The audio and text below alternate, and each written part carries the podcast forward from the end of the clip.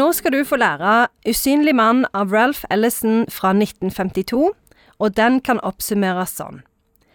Det er ikke bare enkelt å være menneske, og særlig ikke om man er en svart mann i depresjonens USA.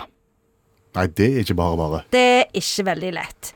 Og denne boka her, den er jo fra 1952. Det var den eneste boka Ralph Ellison skrev, og den ble brukt av Barack Obama som mal når han skulle skrive sin egen selvbiografi. Så denne har, han har vunnet alt som er av priser, og har hatt en utrolig stor påvirkning på det amerikanske samfunnet. Og det som er interessant med han da, det er at det, fram til da så hadde nesten alle bøker som var skrevet om altså eh, svarte menneskers situasjon i USA, den var, de var skrevet mer som sånn eh, protestbøker, da. Sånn som Onkel Toms hytte, eksempel.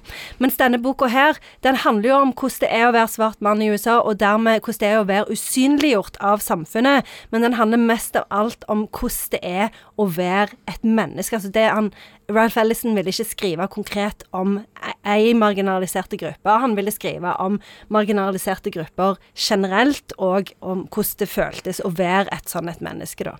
Og dette var under depresjonen? Mm. Den gigastore depresjonen. Ja. Og det begynner på 20-tallet i sørstatene, og så beveger vi oss inn i Harlem i New York på, på 30-tallet. Og dette er egentlig en dannelsesroman. Husker vi hva det er? Ja, det husker vi. Ja, det er når du eh, forteller en historie om liksom hvordan noen blir til. Altså hvordan de blir sånn som de blir. Dere er så gode. Dere er så gode. Så det er det denne boka handler om. Det er en navnløs eh, hovedperson som vi får vite hvordan, havna jeg her, hva, hva skjedde med meg underveis. Hva er det han opplever på veien? Han opplever så utrolig mye kjipe ting. Det er liksom eh, ekkoet fra slaveriet, det er eh, marginalisering, det er rasisme.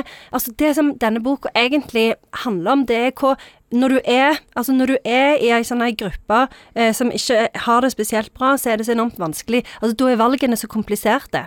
Det er ikke bare sånn at du kan gjøre valget om å ta deg en utdanning, og så går alt bra. Altså Det er mye, mye mer komplisert enn det, og det er enormt vanskelig å komme ut av den situasjonen som du er født inn i, da. Men han her, eh, Elliot, har da skrevet en klassiker. Eller Ellison. Det vi kan velge sjøl. Jeg tar det spørsmålet på ny, jeg.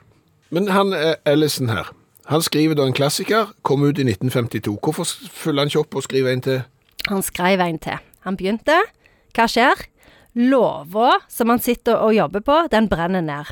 Hele romanen brenner alle notatene. Så han, han, til, han klarte å skrive den på ny, den ble til slutt utgitt, men han var ufullstendig, og så døde han. sant? Det var livet som ødela for Ellison. Så, så derfor så ble det med denne ene boka. Og hvis du skal finne et berømt sitat fra den ene boka Ja, da blir det Det blir åpningssitatet, da. Jeg er usynlig, forstår du? Rett og slett fordi folk nekter å se meg. Dette hørtes ut som en bok som jeg eh, kunne tenkt meg å lese. Ja, den er utrolig bra. Eh, den er spennende, og det skjer så utrolig mye. Altså, det er en, det er en spennende fortelling òg.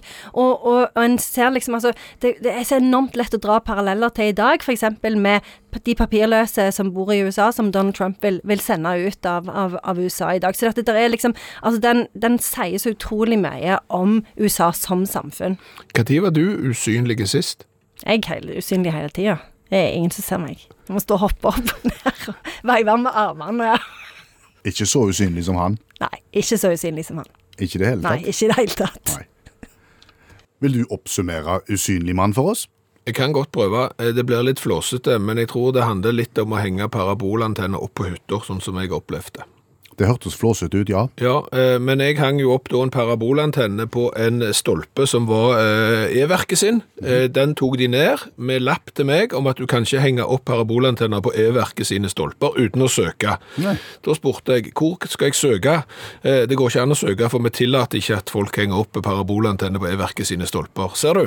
Det er faktisk en veldig tydelig parallell til denne Ja, jeg, jeg ser den parallellen, og jeg syns at dette, dette fungerer kjempefint. For det er det som er med klassikerne. Sant? De sier jo noe til deg òg. De forteller deg noe, de forklarer deg noe om samfunnet, men du skal òg kjenne deg igjen. Ja. Sant? Fra men- det minste til det største. Men den usynlige mannen hadde ikke parabolantenne? Nei, det hadde det ennå vært så vel. Takk, Janne Stigen Drangsholt, forfatter og litteraturviter.